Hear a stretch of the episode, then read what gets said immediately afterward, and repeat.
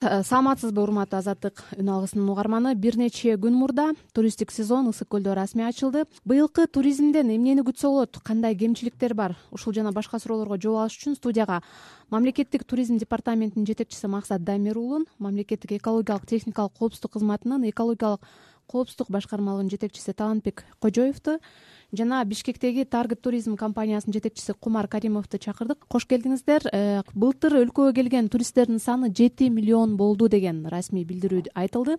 Максат мырза быйылкы божомолдор кандай болуп атат саламатсыңарбы? Биринчи иретен кадырман угуучуларга.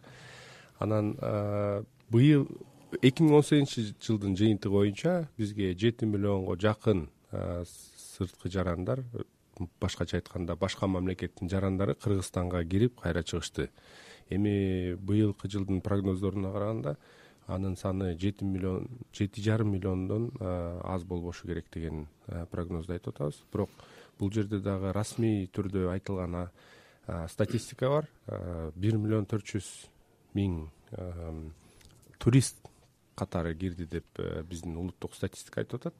Анан ошого жараша биз дагы прогноз карасак Э, бир миллион алты жүз миңден аз келбеш керек деп атабыз да. Ошол туристтердин көбү жакынкы өлкөлөрдөн болуп атабы же алыстан дагы мисалы аябай эле экзотикалык өлкөлөрдөн келгендер да болуп жатабы? Ооба алыстан да келгендер көп эми. Биз силер жакшы билесиңер он эки жылдан бери он эки миң он экинчи жылдан бери бизде кыргызстанда визасыз режим аттуу э, мыйзам иштейт да кыргыз республикасынын ошол мыйзамга жараша кырк беш мамлекеттен келген туристтердин да саны өсүүдө анан алыскы мамлекеттерден келгендер дагы сандары көп болуп мисалы үчүн кыргызстанга эң көп келген он мамлекеттин ичине мисалы үчүн өзбекстан казакстан россиядан тышкары дагы америка германия түштүк корея анан араб өлкөлөрү дагы кирип атат араб өлкөлөрү демекчи. Азыркы тапта дүйнөлүк туризмде адал туризм деген бир тенденция пайда болуптур да. Ооба. Ошол адал туризм индекси боюнча жашыл ай коомунун индекси боюнча кыргызстан эки миң он жетинчи жылы өзбекстандан алдыда турган экен да. Азыркы биздин акыбалыбыз кандай? Себеби өзбекстанда эки жылдын ичинде эле туризм аябай өнүгүп кетпедиби эми аябай өнүгүп кетти дегенден дагы бир аз эми бизге салыштырмалуу өнүктү да. Бирок бир четинен э, кыргызстанда жанагындай лицензия жок же болбосо сертификация деген сыяктуу документтер берилбейт ушул туризм чөйрөсүндө иштеген ишкерлерге. Ошондуктан булардын баардыгы боштомдукта иштегендиктен мындай жакшы жерлери аябай көп да ошонунчу. Анан ошого жараша да биздин адал туризм же болбосо башка дагы турпродуктылар ыкчам ыкчам бат убакыттын ичинде мындай баягы шартка жараша өзгөрүп оңолуп анан өнүгүп кеткен шарттары бар да. Ошого кыргызстан дагы биз өзүбүзчө мындай алдыда кетип баратсак керек деген ойдомун да. Түшүнүктүү. Даярдык дегенде эле биринчи кезекте эле ысык көлдөгү пансионаттардын акыбалы эске түшөт. Баары эле ошол нерсени ойлошот. Алардын тазалыгы пансионаттардагы саркынды суулардын акыбалы жана жол боюндагы дааратканалар деген маселелер келет даярдык дегенде элечи талантбек мырза пансионаттарды текшерүү качан башталды жана кандай өтүп жатат? Кантип текшерип атасыңар? Саламатсыздарбы угармандар. Биринчиден айтып кете турган маселе жылдын башында республикасынын өкмөтүнүн токтому менен чарбалык субъектилерге эки жылдык мөөнөткө текшерүүгө кирүүгө мораторий Э, жарыяланган болчу. Бирок буга карабастан бизде өзүңөргө белгилүү болгондой ысык көл областында үч айлыктын алкагында андан сырткары ошо э, рай администрацияларынын астында түзүлгөн э, топтордун жумушчу топтору бар. Булар ошо үй салуу жайларын эки миң он тогузунчу жылдын жайкы турист сезонуна даярдыгына карата текшерүү иштерин жүргүзүү боюнча мындайча айтканда паспортизация маселеси бар биз жана мораторийге карабастан биздин регионалдык башкармалыктардын тарабынан биздин кызматкерлер тарабынан жер жеринде сезон башталганга чейинки эле убакта баардыгына жазуу түрүндө эскертме буйруктар берилген. Бул өрт коопсуздугу боюнча энергетика коопсуздугу боюнча ошол эле экология коопсуздугу боюнча тапшырмалар берилип бүгүнкү күндө жумуштар жүрүп атат. Паспортизациянын башталышы менен кызматкерлер ошо жер жеринде өзүлөрүнө тиешелүү болгон жумуштарды аткарышат.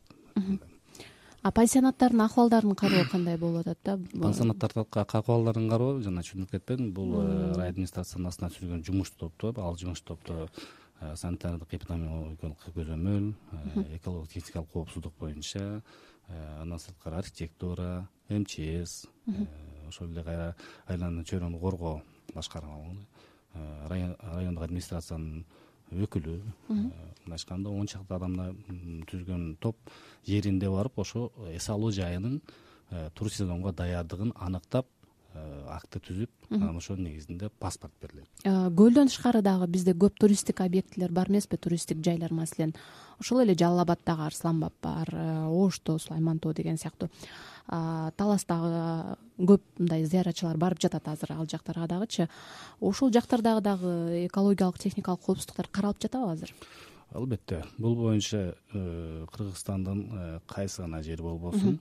Э, туристтик сезонго даярдык боюнча бул өзүңөргө маалым болгондой кыргыз республикасынын өкмөтүнүн токтому менен бекитилген иш чаралар бар. Ошол иш чаралардын алкагында биздин кызматкерлер жер жеринде өзүнүн ишин алып барып атат.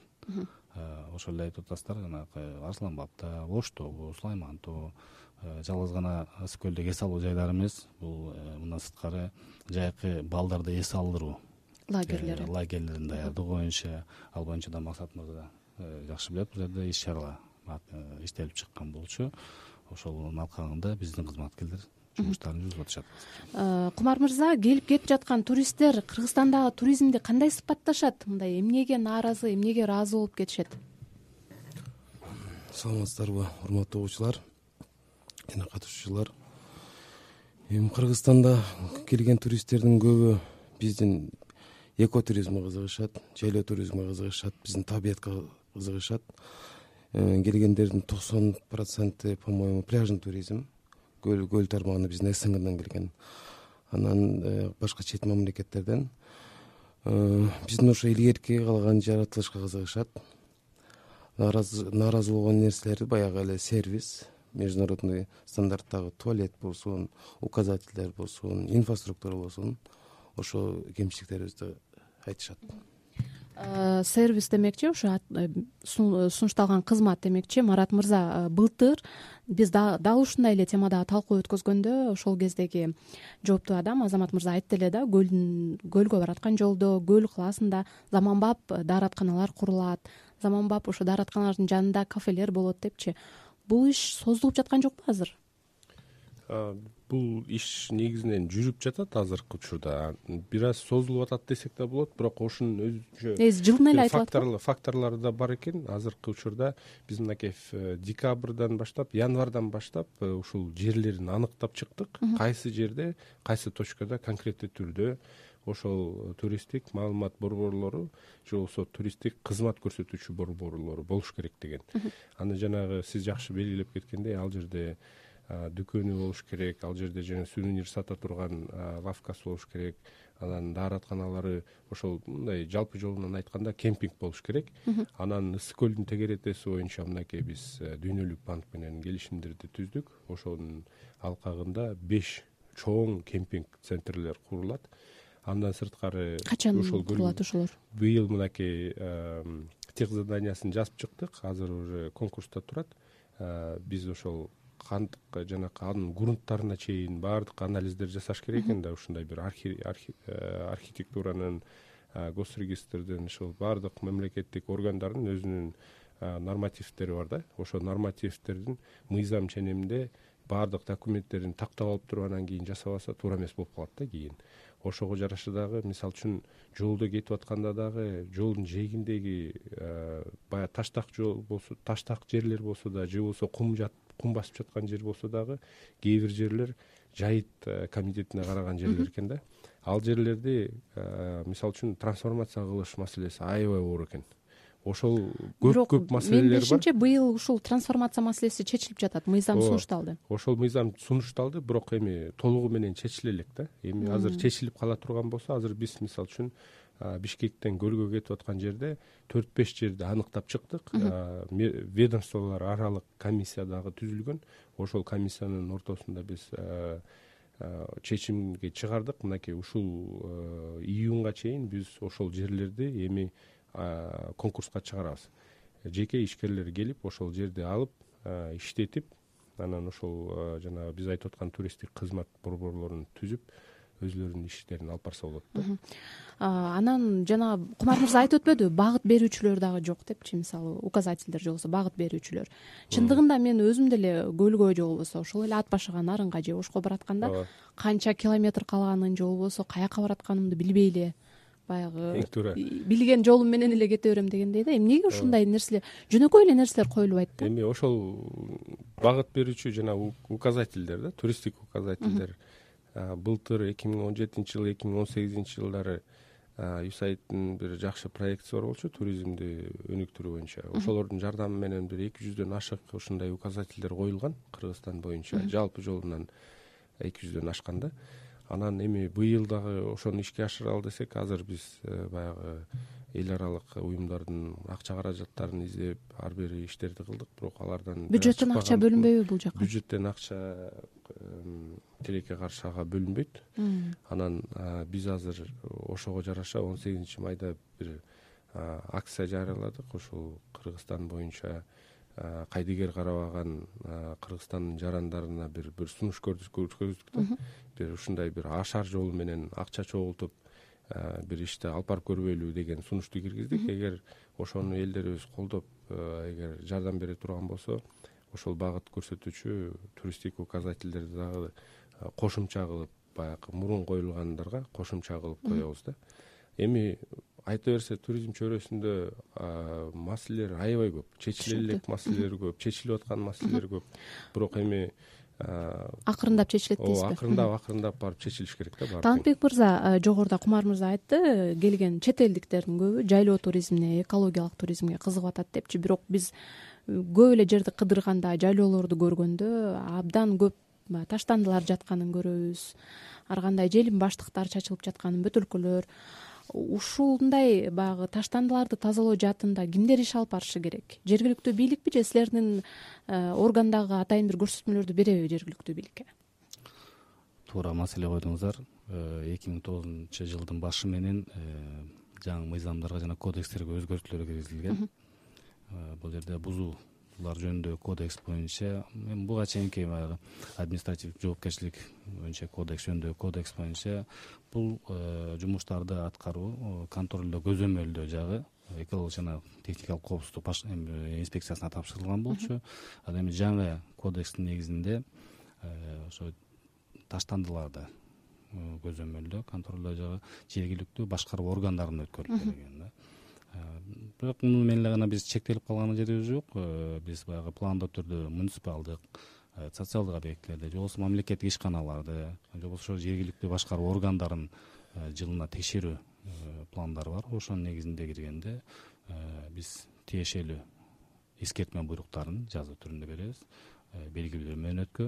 Эгер ошол убакта аткарылбаса ошол жумуштар жасалбай кала турган болсо мыйзамдын чегинде чара көрүү. Маселеси бар максат мырза маселе боюнча кошумча айтып коеюнчу биз мисалы туризм департаментинен биз ушул проондун жардамы менен биз бир канча соц роликтерди тартып чыктык. Ушул экологияга бир мындай туура эмес терс таасирлерин көрсөтө турган шарттарды бир мындай балким элге жеткизе алабызбы деген максатта тарттык анын бири ушул мусорду таштандыларды таштабагыла деген темада болду. Экинчиси ошол биздин тарыхый маданий объектилерибизди талкалоого чакырып атабыз үндөп атабыз. Элди анткени көп жерде биз ушундай бир э, туура эмес терс бир шарттарга дуушар болуп калып атабыз. Алып айтсак мисалы үчүн жакын эле жерде алыска кетпейли буранага барсак ошол жерде бир канча кылымдан бери турган биздин эстелигибиз да ошол эстеликке биздин жаштарыбыз же болбосо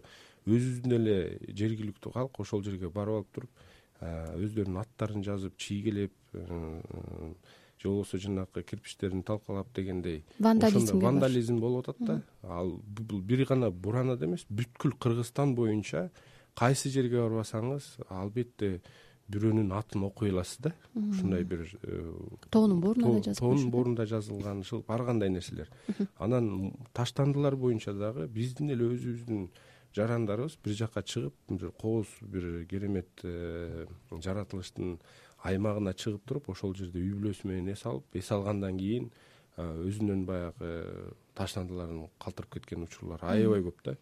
Арактын бөтөлкөлөрү же болбосо тиги пакеттер же болбосо арбуздун калдыктары ушул тоолгон токой бир мусорлор жатат. Андан кийин алар кеткенден кийин сырттан келген туристтер келип анан мындай бир жагымсыз э, бир учурлар болуп калган үчүн. Түшүнүктүү кийинки суроого өтсөк э, негизи э, көлдө эс алуу маалында бизге бир бир эле сценарий бар да. Барасың көлгө түшөсүң кумга жатасың кечинде дискотека болот деген элечи быйыл кандайдыр бир өзгөрүүлөр барбы бул сиз айткан сценарий кичине эскирип калган сценарий окшойт. Бир он жыл мурун ушундай эле. Жок. Азыркы учурларда былтыр деле ошондой болгон да. Эми мисалга алсак э, чолпон таш шаарында кандай маданий иш чаралар бар да негизи? эле э, чолпон таш шаарында бир топ э, тур компаниялары иштеп жатат азыркы учурда. Ошол пляжный туризмге барган эле туристтерди тоого алып барышка атка мингенге ар кайсы мындай бир экскурсияларга чакырып аткан учурлар көп. Андан сырткары баягы событийный туризм деп коебуз жанагы көчмөндөр э, оюндары сыяктуу. көчмөндөр оюндары сыяктуу. Бирок эми ал аябай чоң глобалдуу чоң масштабтагы эме болгон иш чара болгон. Э, биз мынакей биринчи февралда чоң э, кыргызстанда өтүп аткан фестивалдардын форумун өткөргөнбүз. Кыргызстанда бир кырктан ашык фестивалдар бар экен. Ошолордун форматын өзгөртөлү. Э, бир жаңыча бир концепция сунуштайлы деген. Ал эмнеге алып келет? Ал эффективдүүлүккө алып келет. Э, биринчи иретте ошол кызыктуу болуп э, жүрүш керек. Бир гана жергиликтүү эл үчүн эмес сырттан келген туристтерге дагы кызыктуу болуп ошол бир мындай жагымдуу шарттарды түзүп бериш керек. Да анан силер айткандай сиз мисалы үчүн көлгө турист болуп барсаңыз ошондой бир жаңы нерселер тапсам болот турбайбы ошондой жаңы нерселерге түшүнүктүү рахмат максат мырза. Эми коопсуздук жагына келсек кумар мырза ушу четтен келген туристтер өзүн бизде коопсуз сезе алышабы? Деги эле коопсуздук жагын кандай камсыз кыласыңар? Эми бизге келген э, туристтер болсо биз э, өзүбүз коопсуз жагын карайбыз. Мамлекеттик деңгээлде коопсуздук бир аз жетишпейт деп ойлойм.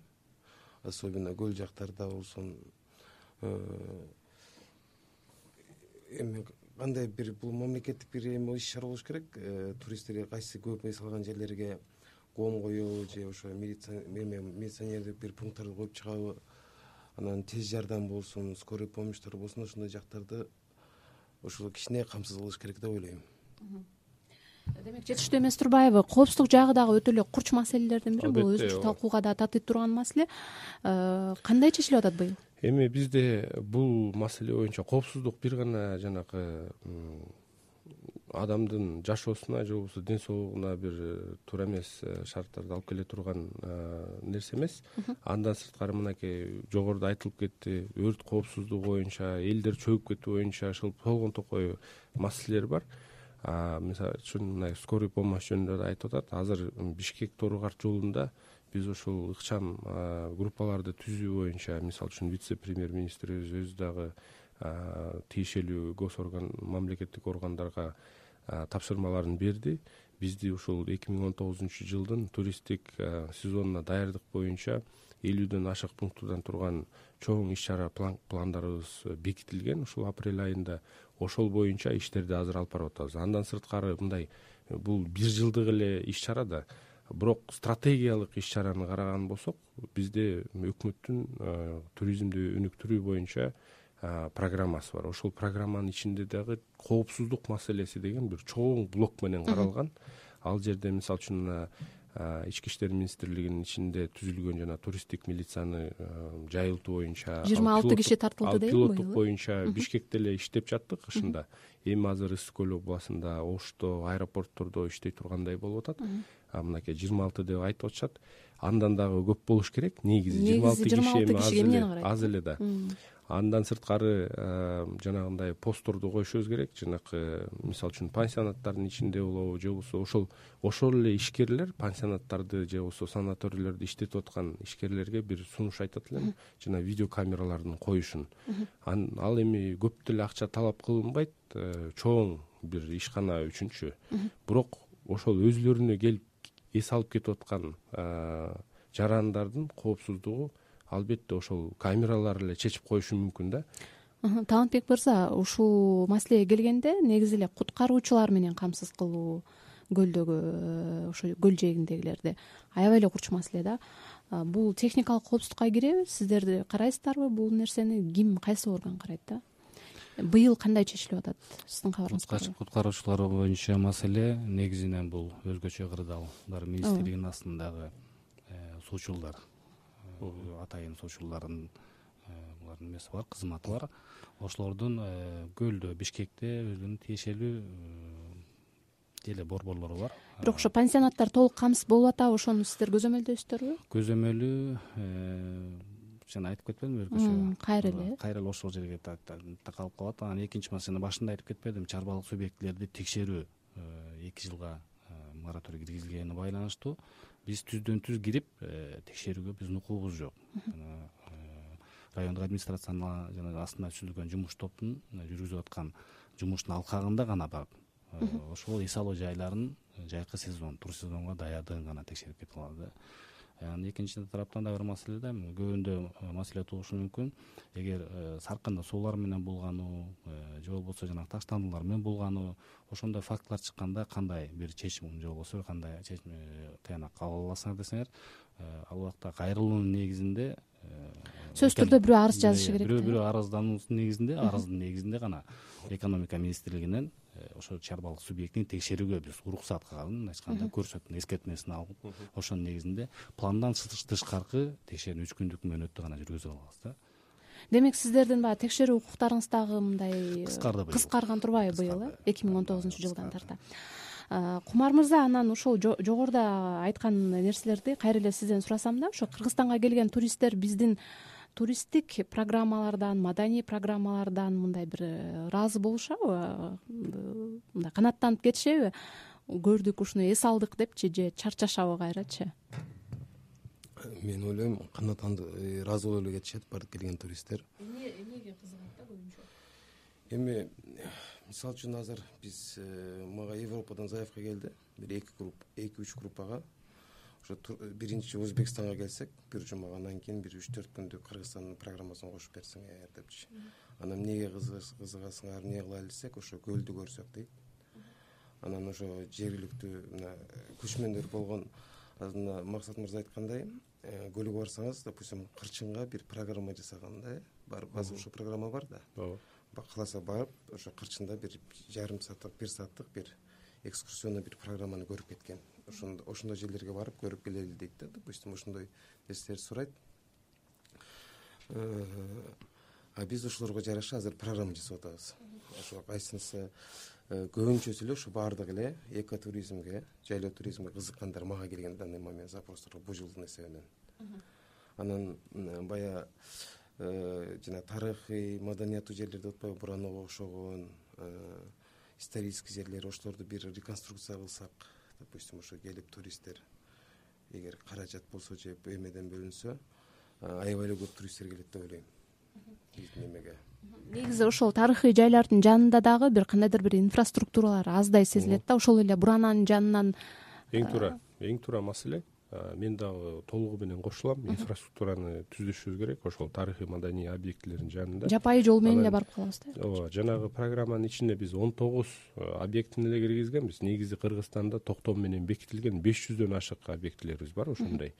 Анан э, эми беш жүзүнүн баарын тең колго алыш өтө эле кыйын. Азыркы экономикалык акыбалда биздин мамлекеттин ушундай бир мындай акыбалында анан он тогуз объектини кандай кылабыз деп э, суроо бергенде бүгүнкү күnkү шартты карашыбыз керек да. Шартта мындай да кайра эле ошол бурананы алсак мисалы үчүн туристтер группа группа болуп келеби же болбосо өзүлөрү жалгыз келеби келгенде бир гана кирүү билетине акча төлөйт. Ал көп болсо бир жүз сомдон тегерегинде эле акча да.